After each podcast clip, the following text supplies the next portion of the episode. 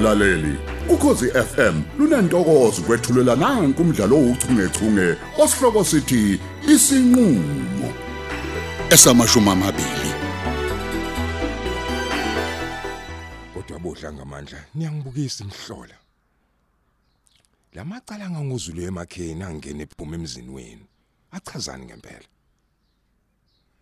Yebo icala limboli ingubo lingene kodwa ayigama zilandelana umuntu uzungezwe ifele eminyama phela makunje. Sobabili nomngami siphambana nengalo yomthetho nje ngokuphazima kweso. Hey nali icala lokushayiseka komuzi womuntu. Limzungezile phela manje olwethu. Naleli lami lokushaya liyanginukela. Angisayiphathike kamsizi indaba yokujola nengane kaHamza.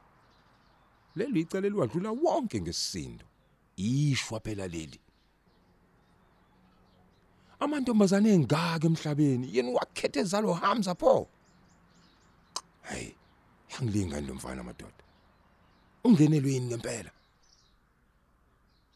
Hey ngabe zonke le inkinga zisho ukuthini kanti? Angisayiphathike leyo kulimala kaolwethu ngengozi yemoto. Aphinda azofaka kulesibhedlela sasedimba senemkhuba hey le ingigulisa kakhulu futhi izongihlanyisa ngekhanda. Ngoba umzuzu nomzuzu uolwethe lapha chaza ukuthi usengcupheni. Angithi angithembi lutho kulesa sibhedlela seyicubu. Ngisho udaba lokulinyazwa komuzi womuntu alisho lutho ngoba liyalungisela. Ya imali isombulula leyo nto. Impilo yawo lethu yona engikhathaza kakhulu ngoba ngaphinde ngimthathe iphi nje ofana naye. Hey ngiyakho ukubalisa ngifonela uJames. Mm eh sinombo yakhe la kuma emergency numbers um angimthinte ngizufo lwakhe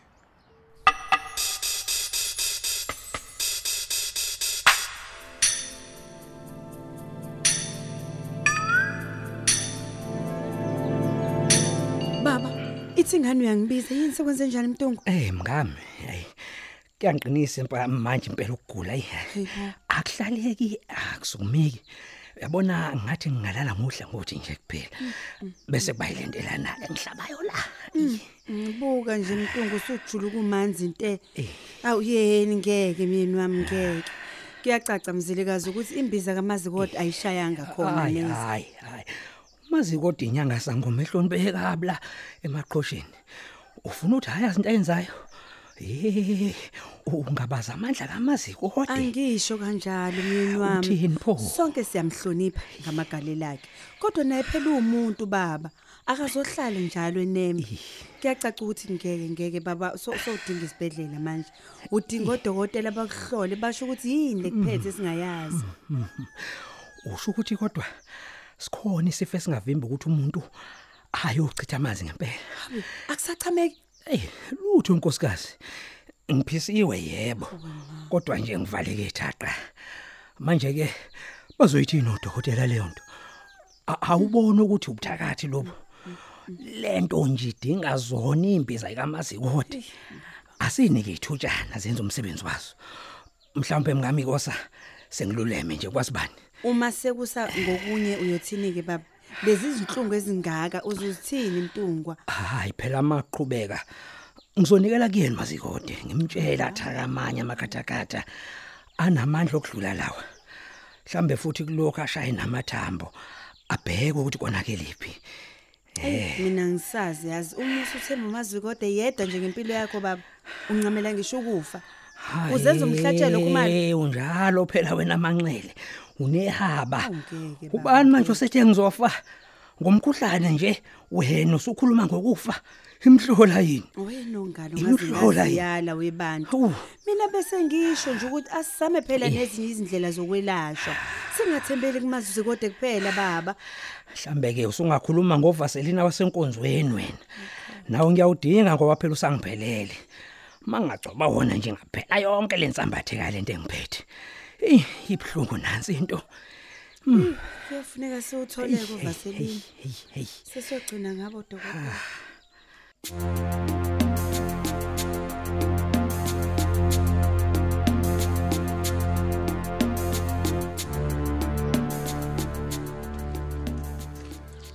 Mr Mzolo, niyaphila baba.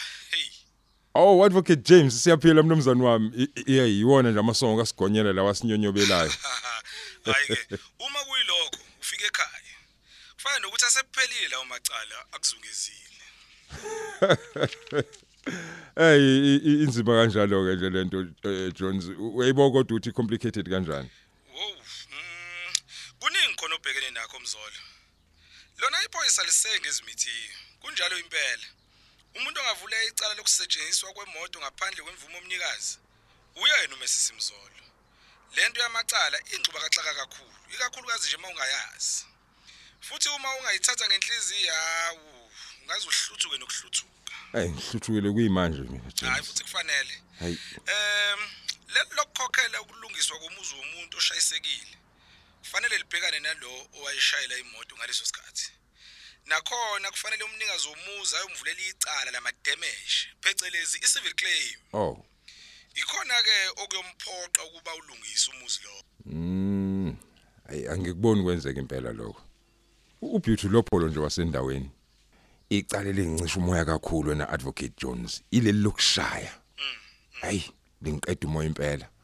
Ngoba lingasiqeda nya isithunzi sami negama esengizakhele lona la endaweni. Uyazi nawe indaba ye gender based violence ukuthi injani la eSouth Africa?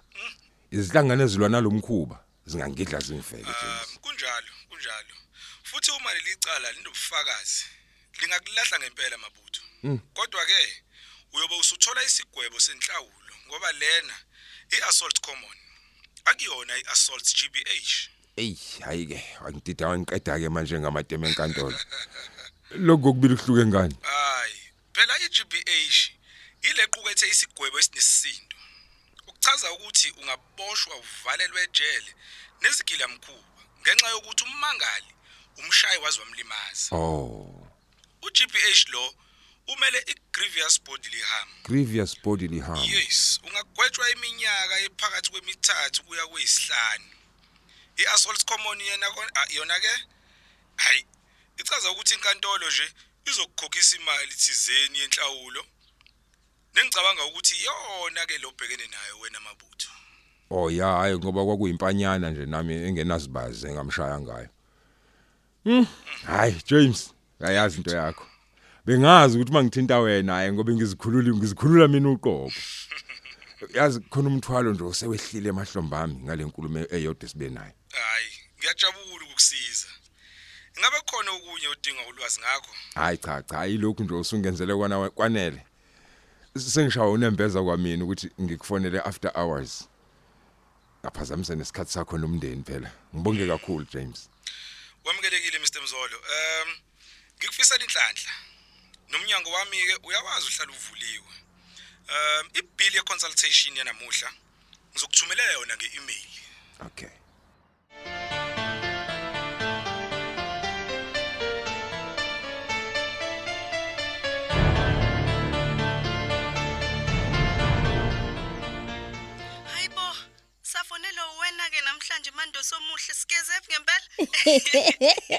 Ihe angazi nami ukuthi nikezephi ngoba ninawo kwamfula lapha eDimba. Hayi kuyacaca ke sisi ukuthi wona manzi umpompi lawa ayasebenzela mekunje. Hayi cha wesisi ngithi anginifonele lana. Ngikutshela indaba ezimnandi ungakolali. Imake, uthi indaba ezimnandi. Iza, iza nazo sisi, iza ngilalele. Kusasa lokho kusayo ngizonivakashela lapha ekhaya ngitshela.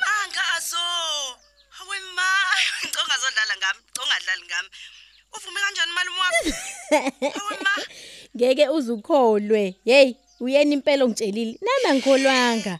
Hayibo uyazi ngimbuze kaningi kanjani? Ngathi unesiqiniseko yini? Hayi, Akuthi ke bengitshela ukuthi udidekile kwamina. Eh eh, asingabe sisabuza nje izinto eziningi, sijabulele nje umusa wakhe omngaka. Hayibo zimnandi siswami lezo indaba. Yo, umuntu uzakaphumula isizungu. Eh siyangibulala. Hoyi kahleni bo usithathaphi nje isizongweni niba ningangaka ekhaya? We awazi Hayibo, futhi ke nihlala endaweni ephucuzekile. yazi ukuthi awazi lutho. Thuleke kabi lekhaya nje kuba uma engasekho nje. Kunga Umamkhulu usahambile ekhaya. Hoyi uyadlala wena. Uhambelani? Futhi Uyazi- wayapi ke? lalela sisi. Sizoyikhininda kahle mungabe usufikile la kusasa lingakashoni ilanga ngoba nje ayeza kwacele munu azipheli. Esingaxoxa nje manje indaba yesikhathi. Ngikuhlangabeze ngasikhathi sini edolobheni kusasa. Ih, Ngisajahile. Ah, ngizobuza umalumekazi ukuthi ngizohamba ngasikhatsini kodwa ngiyacabanga ukuthi kuyoba sekuseni. Awu ke mengabe kuyisekuseni for sure kuyoshaya u12 usufikile la. Uma ube nenhlanhla ngizokuhlangabeza nosibari wakho ngemoto. Ngisazokhuluma naye kodwa phela kuqala. Oyibo, ayibo sisi. Usunesoka? Hayibo. Ihe. Izinto imani ukwenzeka. Sengijaha ukubona itype yakho. Awusho kunjani nje usibari? Imaki unayo six pack. Mm, hayibo mude noma mfishane. Ngiphendule muphi? Kodwa ngoba uthe unemoto kusho ukuthi usebenza kahle. Hayibo, awe ma. Aniwathanda ama type nina ama 2000. Hayi bandla ngiyanibonga. Kubaleke ngani nje konke lokhu kubalayo. Into ebalekile la dadewethu ukuthi umuntu unayo yini inhliziyo enothando. Kodwa kuyombona wena kusasa ukuthi mude noma mfishane uyisidudla noma uyisile. Yonke nje lento oyibalayo sisi. Ayibo. He yazi ukuthi umuntu akaphathwa ke la. Nangu phela sengifonela. Sesobonana kusasa we azo ungakhohlwa njalo ukufona ungitshele mase uphuma yeso. Okay. Alright sizokwenza njalo. Bye. Alrighty.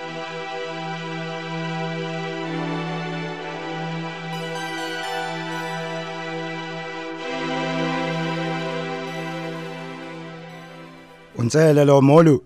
Awu Mr Nsele. Baba, mina ngikhuluma nobani? Oh, awukhuluma nomzolo la umabutho. Hoho. Hayi Mr Mzolo. Uyazi ngeke ukholo mangitshela ukuthi bengicabanga ngale ndaba yakho. Wenze kahle ke ndoda wangithinta. Awusho, ukuphi ngempela? Wakhuluma sengathi ufuna ukungilanda nje Mr Nsele. Ngithe ukuphi Mr Mzolo? Ake ngiqale ngixolise nje ngokuthi ngikuphazamise. Ngenzeka ukuthi mhlawumbe lana isikhathi sakho nomndeni wakho lesengisha ngaso. Cha Mr Mzolo, ungakhathazeki ngalokho. Umbuzo wami uthi wena ukuphi? Bengingajabula nje uma ungangiphendula kulokho nje kuphela. Kahle kahle Mr Nsele la bengithi angikuthinte ngalolu daba lika Beauty. Okay.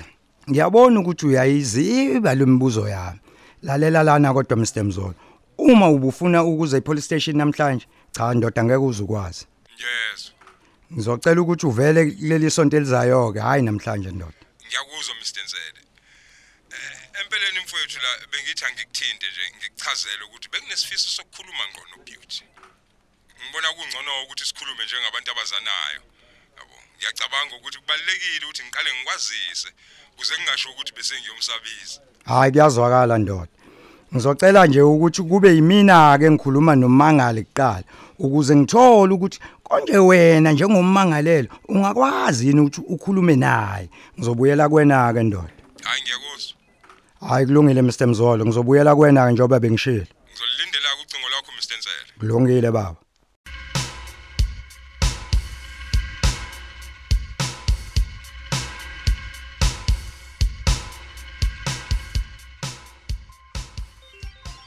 Wow. Ngisaqeda ukucabanga ngaye nje nkosiyami udalo vele wafona. Hi baba. Hey baby. Hayibo baby. Baby uyingane nomonjani ke lo uchaze ngizwe. Wena ke nje ubuthi baba nje. Usho muphi ubaba nje? Eh eh cha musa nje ukungirobha phendula mina kuqala mina ngithi ubuze kuqala. Hayi, mina ngisho lo baby uyithandani. Ufuna ngithi sithando. Hayi bengingazi ke nokuthi ubaby kanti usho ukuthi sithandwa ngesizulu. Hayi kungcono ngoba usuyazi ke namhlanje. Chaza ke nawe ngalo baba omshoyo. Hayi hawu msizi musa ukuzenza ingane la ngithe baba mina kuno H nje egcineni uyezwa. Hayi khulileke ngiyancokolela nasithando sami. Uyaphila kodwa? Ya sengiphila kakhulu ke manje. Kakhulu kangakanani nje? Kakhulu kakhulu. Hayi, sengidlala inkumbulo kahle kahle. Lalela. Wenzani kusasa sithando sami?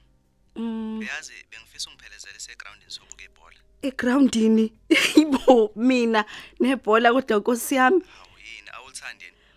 hayi eh akusikona ukuthi ngiyalithanda noma ngilithandi yini kodwa inkinga kusasa ngiyohlangabeza usisi wami osuke emaqhosheni Oh, ngiyakhumbula ungitshelile ukuthi unosisi wakho semaqhosheni. mm Uyazi ngiyafisa ukumbona. Phela nami ngake ngahlala emaqhosheni. okay bengingakwazi ke lokho mina Hayi indawo engakhulela kuyona leyo. Uma wami nje ngikhuluma nawe usahlala khona manje.